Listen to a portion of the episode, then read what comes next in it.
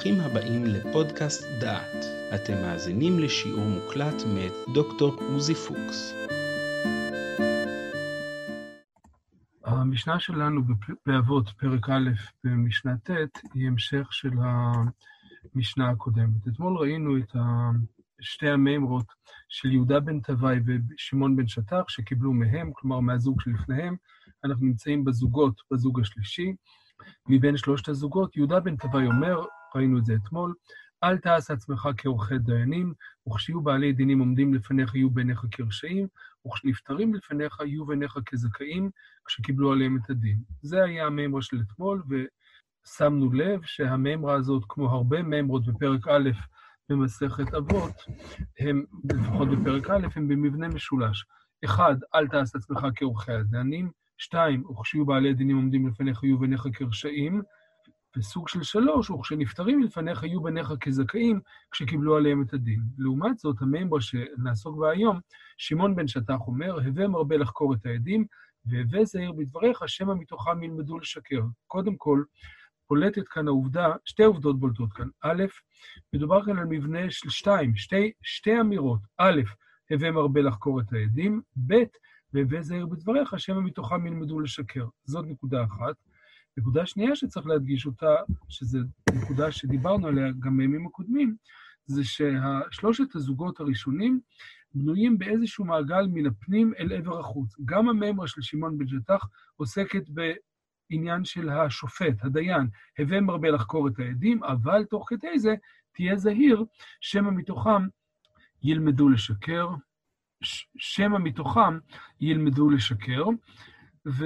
ו- והמסגרת הזאת של, הד... של הדיינים, של השופטים, היא הזוג השלישי שמסיים פה את המהלך שמתחיל בזוג הראשון בבית, הזוג השני שמדבר על החברה של האדם, והזוג השלישי שמדבר על מערכת המשפט ובתי הדין. וזה מעניין הנקודה הזאת ששני החכמים הללו עוסקים כאן בדבר כל כך ספציפי, בעניין של מערכת של בתי הדין. זאת אומרת, הבית של אדם זה דבר אוניברסלי, כל אחד מאיתנו, הדבר הזה נוגע לו. גם העניין של החברה, גם העניין של החברה, סליחה, כלומר, הרחק משכן רע, או, או עשה לך רב וקנה לך חבר, אלו דברים שיש בהם מימד שרלוונטי לכל האנשים. לעומת זאת, מימרה שעוסקת במערכת המשפט היא באמת מרחיבה, היא חיונית לכל חברה, אבל לא בהכרח נוגעת לי, לכם, או לכל, או לכל האנשים כולם, אלא רק לעניין של המערכת. אז אלה שתי הערות ראשוניות. הערה שנייה שאני רוצה לדון לגבי גופם של הדברים, דווקא המימרה הזאת, הזוג הזה, המימרה הזאת בעלת שתי, שני צדדים למימרה הזאת ולא שלושה, הווה מרבה לחקור את העדים, והווה זהיר בדבריך, שמא מתוכם ילמדו לשקר. ונדמה לי שאם נוסיף כאן את המילה הווה מרבה לחקור את העדים, אבל הווה זהיר בדבריך, שמא מתוכם ילמדו לשקר, יהיה, תהיה דרך נכונה להבין את, ה, את הדברים הללו. ויש כאן איזשהו מתח ש, שקיים, ודיברנו עליו, ועל המתח הדיאלקטי הזה עוד נדבר גם בהזדמנויות אחרות. יש כאן איזושהי תפיסת עולם ש, שבאה ואומרת, אנחנו רואים את העולם באיזושהי צורה שיש בה דברים ש... יכולים לעמוד בניגוד זה לזה. זאת אומרת, הדברים לא בהכרח עומדים בהרמוניה, הדברים הם לא uh, חד-ממדיים, אלא הדברים הם מורכבים, הדברים הם, הם בעלי כתבים שונים, לפעמים שניים, לפעמים שלושה, כאן זה מאוד בולט. הווה מרבה לחקור את העדים ותשאל אותם הרבה שאלות, אבל כמובן שכשאתה מרבה לחקור את העדים ושואל אותם הרבה שאלות, תהיה זהיר בדבריך, כי לפעמים מתוך השאלות המרובות שלך, הם ילמדו מתוכם לשקר. זאת אומרת, כאן הוא בא ואומר, למרות שהעצה, הווה מרבה לחקור את העדים, היא עצה מאוד חשובה, אבל היא יכולה להיות חרב פיפיות. היא יכולה להיות דווקא הנקודה ש, שגורמת ל, לאיזשהו נזק לחקירה הזאת, כי הרצון של הדיין הוא לשאול הרבה שאלות כדי להיטיב, כדי ל, ל, ל, להבין בדיוק, כדי לבדוק שהעדים לא משקרים, אבל לפעמים דווקא הדברים הללו הופכים, ה, הופכים ומזמינים דווקא את השקר על ידי ההבנה של הדברים של, ה, של הדיין, ומה הוא רוצה לשמוע ואיזה סוג של דברים הוא רוצה לשמוע. המימרה הזאת שמיועדת לדיינים, במובן מסוים נכונה לגבי הרבה מאוד דברים. אני מורה, אז הייתי אומר, כן, הווה מרבה להסביר את השיעור, הווה מרבה להסביר את הנקודה שאתה רוצה לעסוק בה, אבל תהיה זהיר ש... כיוון שלפעמים, תוך כדי שאתה מסביר כל כך הרבה, אתה לא חוזר על עצמך שלוש פעמים, אתה לא גורם לשעמום של הכיתה, אתה לא גורם לכיתה להירדם, וכן כיוצא בזה, כן? הייתי אומר את זה ל, ל, לפעמים להורים, ל, ל, לילדים מתבגרים. הווה מרבה לדבר עם הילדים, וכולי, אבל תהיה זהיר בדבריך, שמא מתוכם, שיכול להיות שמרוב שאתה מדבר, אתה תמיס את עצמך עליהם ואתה תגרום להם לאטום את האוזניים ולא להקשיב. המתח הזה בין להרבות בדבר מסוים, אבל להיזהר שהדבר הזה לא יהיה יותר מדי, כי לפעמים עצם. היותר מדי הזה גורם נזק, זה מתח שקיים לא רק במערכת של המשפט, של הווה מרבה לחקור את העדים, אבל הווה זהיר בדבריך שמא מתוכם ילמדו לשקר, אלא זה דבר שהוא דבר באמת אוניברסלי, שנוגע לכל אחד ואחת מאיתנו. אני רוצה את הדקות הקרובות להקדיש לדמותו של שמעון בן שטח, שהוא דמות ידועה, ואני רוצה לנסות ולהראות בעיקר כמה מעשים שקשורים אליו, וחלקם גם קשורים ליהודה בן טוואי, שקשורים למערכת, ה, למערכת המשפטית, ויכול להיות שלא מדובר כאן על עניין מקרי, ששני החכמים הללו עוסקים דווקא במערכת של המשפט, יכול להיות שזה עניין שהוא עניין מהותי להם. התוספתא במסכת סנהדרין אומרת, קובעת לנו הלכה שהעדים לא נעשים זוממים עד שיגמר הדין. זאת אומרת, אנחנו מכירים את, ההלכה, ועשיתם לו כאשר זמם לאחיו, כלומר, אם עד משקר בעד אחר, אז העונש שלו, ועשיתם לו כאשר זמם לעשות לאחיו. הוא מקבל את העונש שהוא תכנן להשית על מישהו אחר. וההלכה היא, ולא הבאתי כאן את כל המקורות, אבל ההלכה היא שהזמן שבו מענישים את העדים הזוממים הוא מהרגע שבו נגמר הדין, זאת אומרת, מרגע שפסקו את הדין על פי דבריך. זה לא רק כשבאתי והעדתי ותפסו, ותפסו אותי לפני כן, אלא עד שהעדתי, התייחסו ברצינות לדברים שלי ופסקו את הדין על ידיי, אבל, על ידי, אבל לא, אבל לא אחרי שביצעו את, ה, את, ה, את העונש. כלומר, דרך משל, אם העדתי על מישהו שהוא, שהוא חייב מיתה, ותפסו אותי לפני כן, אז הדין של ועשיתם לו כאשר זמם לא יתקיים בי. לעומת זאת, אם התייחסו ברצינות לדברים שלי, והייתה החלטה של בית הדין, נגמר הדין שהוא עומד להיהרג, זה השלב שאם יזימו אותי, אם, אם יתפסו אותי משקר, זה הדין שיעשו בי את הדין שרציתי לעשות לו. אבל אם כבר ביצעו את גזר הדין, אם, אם כבר הוציאו אותו להורג, אז ב, ב, ב, בנקודת הזמן הזאת לא יוציאו אותי להורג. ועל זה מספר רבי יהודה בן טוואי. אמר רבי יהודה בן טוואי, אראה בנחמה, כן, מין לשון שאדם מקלל את עצמו, אבל הוא אומר את זה ב- בלשון סגי נהור. הוא בעצם רוצה לבוא ולהגיד, לא אראה בנחמה, אם וכולי וכולי. זאת אומרת, הוא כאילו, הוא כאילו משית על עצמו איזושהי קללה, אבל הוא אומר את זה בלשון חיובית, והוא רוצה כמובן לחזק את הדברים שלו. אראה בנחמה, אם לא הרגתי עד זומם, אם לא הוצאתי, אם לא עד זומם להורג, בשביל לעקור מליבן של ביתוסים, של אותה כת, דיברנו עליה לפני, במשנה ג', לעקור מליבן של ביתוסים, שהיו אומרים עד שיהרג הנידון. זאת אומרת, הביתוסים, בניגוד לחכמי ישראל הפרושים, באו ואמרו שההלכה הזאת היא רק אחרי שנהרג הנידון. ואילו רבי יהודה בן טבעי אומר, לא, זה לא נכון, זה, זה לפני שנהרג הנידון, אחרי שנגמר הדין. אמר לו שמעון בן שטח, אראה בנחמה, גם הוא פותח באותה פתיחה, אם לא שפכת דם נקי, אתה הוצאת אדם להורג לריק, שהרי אמרה תורה על פי שניים או על פי שלושה עדים יומת המת. מה עדים שניים, אף זוממים שניים. אי אפשר לתפוס אדם שהוא זומם אם אין כאן מערכת של עדות, כלומר, אם אין כאן מערכת של שני עדים או שלושה עדים.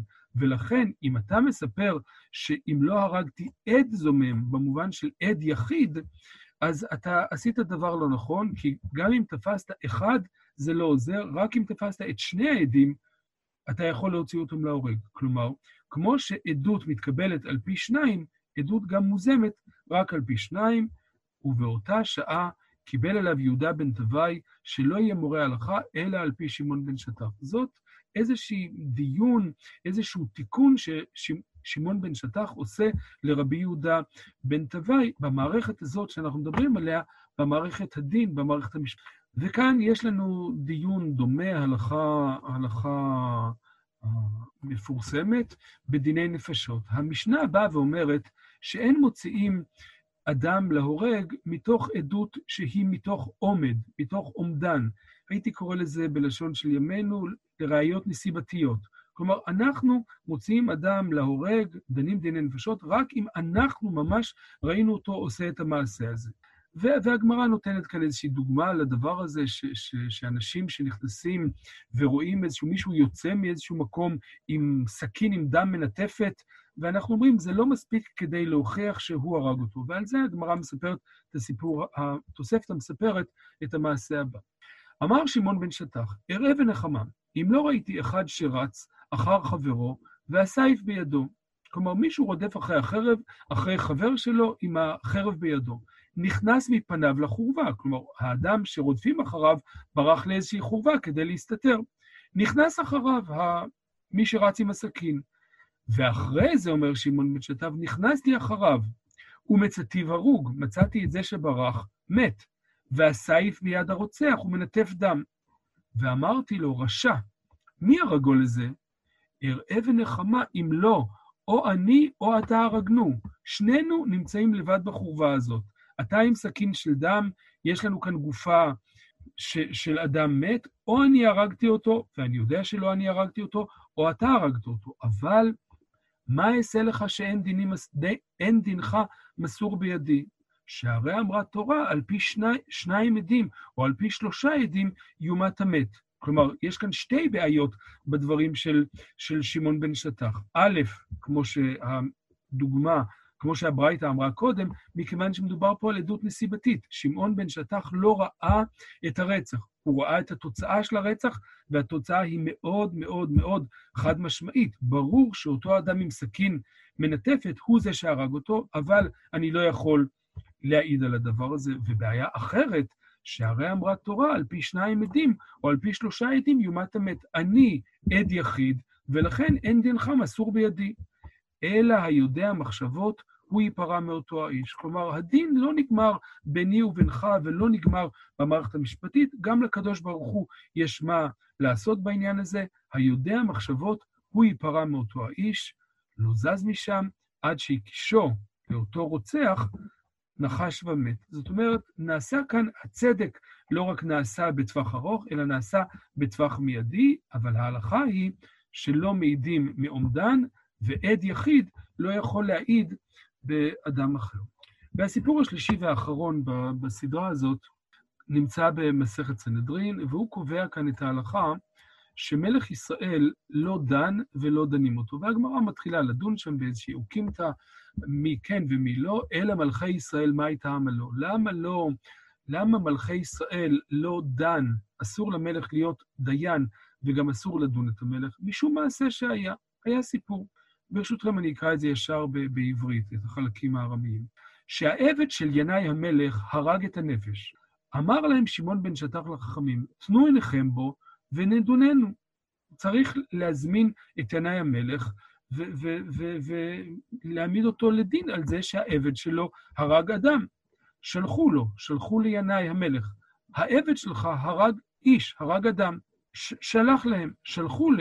כלומר, הוא שלח להם את, ה, את העבד, כן? שיבוא העבד ותדונו אותו, תעשו לו מה שאתם רוצים. שלחו לו, חכמי ישראל, לינאי המלך. בוא אתה גם כן לכאן. למה? כיוון שבהלכה של שור מועד כתוב והועד בבעליו.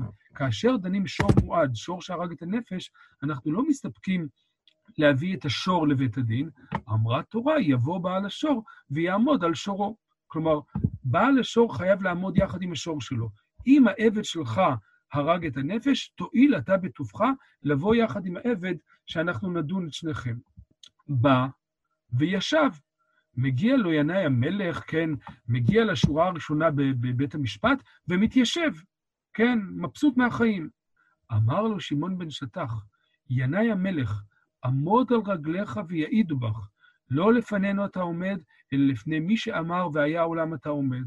כלומר, תואיל בטובך לעמוד, לא רק העבד שלך הוא הנידון, אלא אתה, גם אתה הנידון, כי העבד שלך הרג את הנפש, ותדע לך שאתה לא עומד לפנינו, אלא אתה עומד לפני מי שאמר והיה העולם, ולכן תכבד אותו. אמר לו ינאי המלך, לא כשתאמר אתה, אלא, כשיאמר, אלא כמה שיאמרו חבריך. אתה ינאי המלך, כן, אתה נהיה מוישה גרוס, אתה מדבר פה ואתה אומר לי מה לעשות. יש פה עוד אנשים בבית הדין, נראה מה הם יגידו. צריך לזכור את העובדה ההיסטורית הפשוטה והידועה, ינאי המלך נשוי לשלומציון המלכה, שלומציון המלכה היא אחותו של, של שמעון בן שטח, כלומר מדובר פה על גיסים. שמעון בן שטח אומר לגיס שלו, לינאי המלך עמוד על רגליך, והגיס שלו, ינאי המלך, בא ואומר לו, למה מי אתה, כן? בוא נשמע מה לחברים שלך יש מה להגיד. אז שמעון בן שטח בא ומסתכל על החברים שלו, מסתכל ימינה, נפנה לימינו, כבשו פניהם בקרקע, אף אחד לא רוצה להגיד שום דבר, כולם מפחדים מינאי המלך. נפנה לשמאלו וכבשו פניהם בקרקע, גם כן כולם פוחדים מהדבר הזה. אמר להם שמעון בן שטח, בעלי מחשבות אתם, אתם הססנים, אתם יודעים לפלפל, אתם יודעים לחשוב, אתם עושים כל מיני חשבונות, מה יגידו ומה ינאי יגידו וכולי, יבוא בעל מחשבות וייפרע מכם. מיד בא גבריאל וחבטן בקרקע ומתו.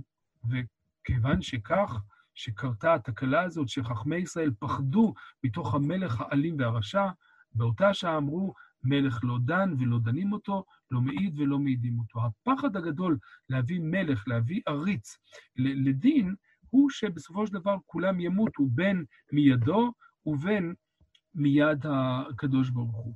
אחת הנקודות המעניינות, הסיפור הזה יש לו השלכות היסטוריות רבות ומגוונות, אבל אחת מהן קשורה לעובדה שסיפור דומה לזה מופיע בכתבי יוסף בן מתתיהו. אני לא יודע, אנחנו ודאי לא נקרא פה את כל הסיפור הארוך הזה, אבל אני אקרא פה כמה, כמה קטעים נבחרים. הורדוס הרג, הורדוס אחרי המינוי שלו פעל באלימות רבה מאוד. והוא עשה, הרג אנשים, ואנשים פנו למלך הורקנוס שיפנה להורדוס ויעמיד אותו לדין, ואני קורא כאן באזור הזה, וכיוון שאביו יעצו שלא ייכנס כאחד מפשוטי העם, אלא בבטחה של משמר לראשו. לקח איתו גדוד שהספיק לצורך הדרך, וכולי וכולי. זאת אומרת, הוא מגיע לבית המשפט עם השומרי ראש שלו בעברית פשוטה. וכשעמד הורדוס בדין עם הגדוד שהיה איתו, הפיל פחדו על כולם. ואיש מאלה שהטיחו כלפיו, לפני בואו לא העז מעתה לפתוח בקטרוג עליו. כאן לא מדובר בדיוק על הדיינים שלא מעזים לפתוח את הפה, אלא כנראה על העדים, או על אלה אחרים שביקשו לקרוא לו לדין. אלא הייתה שתיקה ומבוכה, ולא ידעו מה לעשות. ובעוד הם שרויים. ובעוד הם שרויים בכך, קם אחד, סמיאס שמו, כן, זה, זה, זה התעתיק ביוונית של המילה הזאת, סמיאס, שאנחנו לא יודעים בדיוק לאיזה שם הוא מתכוון, לשמעון או לשם אחר, איש צדיק, ולפיכך עשוי לבלי חת, כן, תשימו לב למשוואה הזאת של יוספוס. איש צדיק זה אומר לא דופק חשבון, הוא לא מפחד מאף אחד. ואמר, אנשי הסנהדרין והמלך, לא ידעתי מימיי, וסבורני שגם אתם, לא, וכולי וכולי וכולי, כן, לא ראיתי איש מאלה שנקראו פעם אליכם, כזו שתהיה עמידתו. אלא כל אדם, כן, שמגיע לבית משפט עם, ה, עם השומרי ראש שלו ולמעשה מאיים על כולם. אלא כל אדם יהיה מי שיהיה, שבא לפני הסנהדרין הזאת להישפט, עומד בהכנעה, ומראה ומראה אדם השרוי בפחד, ומבקש חכמים מכם, שערו מגודל ולובש בגד שחור, כן, מרוב אימה. ואילו בן יקיר זה, הורדוס הנאשם ברצח, וכולי וכולי, אה, אה, מתנהג בצורה האלימה הזאת, והוא ממשיך, אבל אני כאן, אבל דעו לכם שגדול אלוהים, והאיש הזה שאתם רוצים לשחררו וכולי, ייפרע מכם ומהמלך עצמו. ולא שגה בשום דבר מדבריו, שכן לאחר שתפס הורדוס את המלוכה, הרג את כל אלה שהיו בסנהדרין. יש כאן סיפור דומה ושונה. הוא לא מדבר על שמעון הצדיק וינאי, אלא מדבר על הורקנוס, או על, סמי, על, על סמיאס והורדוס. הוא לא מדבר על זה שהדיינים משתתקים, אלא מדבר על זה שכנראה העדים והמקטרגים מש... משתתקים. הוא לא מדבר על זה שהעבד הרג, את, הרג אנשים אחרים, אלא שהמלך עצמו, הורדוס עצמו, הרג את הדברים, ולא מדובר על המלאך גבריאל שהרג אותם, אלא מדובר על הורדוס עצמו, אחרי שהוא תפס את המלוכה, הוציא להורג את כל, את כל הסנהדרין. המוטיבים דומים, המוטיב דומה, אבל הפרטים שונים. אני לא רוצה ולא יכול להיכנס כאן לסוגיה הזאת, אבל רק אציין שהספר הזה, ש... של טל אילן וורד נועם, בשיתוף עם כמה חכמים אחרים, עוסק באופן שיטתי בשאלה הזאת של, של מקורות מקבילים שבין יוסף בן מתתיהו, בין יוספוס לבין דברי חז"ל, ו, ו, וגם הסיפור הזה וגם מקורות אחרים נידונים בהם בהרחבה רבה מאוד. המעיין ימצאם שם. אני רוצה לסיים בסיפור שלא עוסק במערכת המשפט, אלא יש לו משמעות מוסרית גדולה ויפה. במדרש דברים רבה מסופר המעשה הבא. מעשה ברבי שמעון בן שטח, שלקח חמור מישמעאלי אחד, קנה חמור מאחד הישמעאלים. הלכו תלמידיו לקנות את החמור הזה, ומצאו אבן טובה אחת תלויה בצווארו. כלומר, אותו ישמעאלי קישט את, ה, את, ה, את החמור הזה באיזושהי אבן יקרה שהייתה תלויה בצוואר שלו. אמרו לו תלמידיו, רבי, ברכת השם איתה עשיר, איזה יופי, קנית חמור במאה שקל, הרווחת יהלום בחצי מיליון שקל. ברכת השם איתה עשיר. אמר להם רבי שמעון, אני חמור לקחתי, אבן טובה לא לקחתי. הלך והחזירה אותו, והחזיר, והחזיר אותו, והחזירה אותו לישמעאל. כלומר, הלך והחזיר את האבן הזאת לישמעאל, וקרא עליו הישמעאלי, ברוך השם אלוקי שמעון בן שטח. הסיפור הזה מציב כאן לא רק רף, לא רק, הייתי מנסח את זה בצורה כזאת, לאור המקורות שראינו בשיעור. המערכת ההלכתית לא נמדדת רק בבית הדין, לא רק במה שמשפטי או לא משפטי, אלא גם במה שמוסרי. יכול להיות שאם שמעון בן שטח קנה חמור מישמעאלי אחד, והוא אומר, תשמע, אני קונה את החמור הזה יחד עם הכלים שלו, עם המרדעת וה, והדברים האחרים, אז החוזה מבחינה משפטית כלל כל מה שנמצא עליו, כולל השרשרת עם האבן הטובה, אבל העולם לא נגמר רק במשפט, וברור שהישמעאלי הזה עשה כאן מקח טעות והוא לא ידע שהוא השאיר שם את האבן היקרה הזאת, אז שמעון בן שטח לא מסתפק במערכת המשפט שכל כך יקרה לליבו, אלא קובע כאן גם איזשהו רף מוסרי גבוה הרבה יותר, והדבר הזה מוביל גם לקידוש השם. תודה רבה, חודש טוב, ולהתראות בעזרת השם מחר בבוקר. שמעתם שיעור מוקלט מתוך קורס על פרקי אבות מאת דוקטור עוזי פוקס. את הקורס המלא ניתן לשמוע באתר דעת במדור פודקאסט.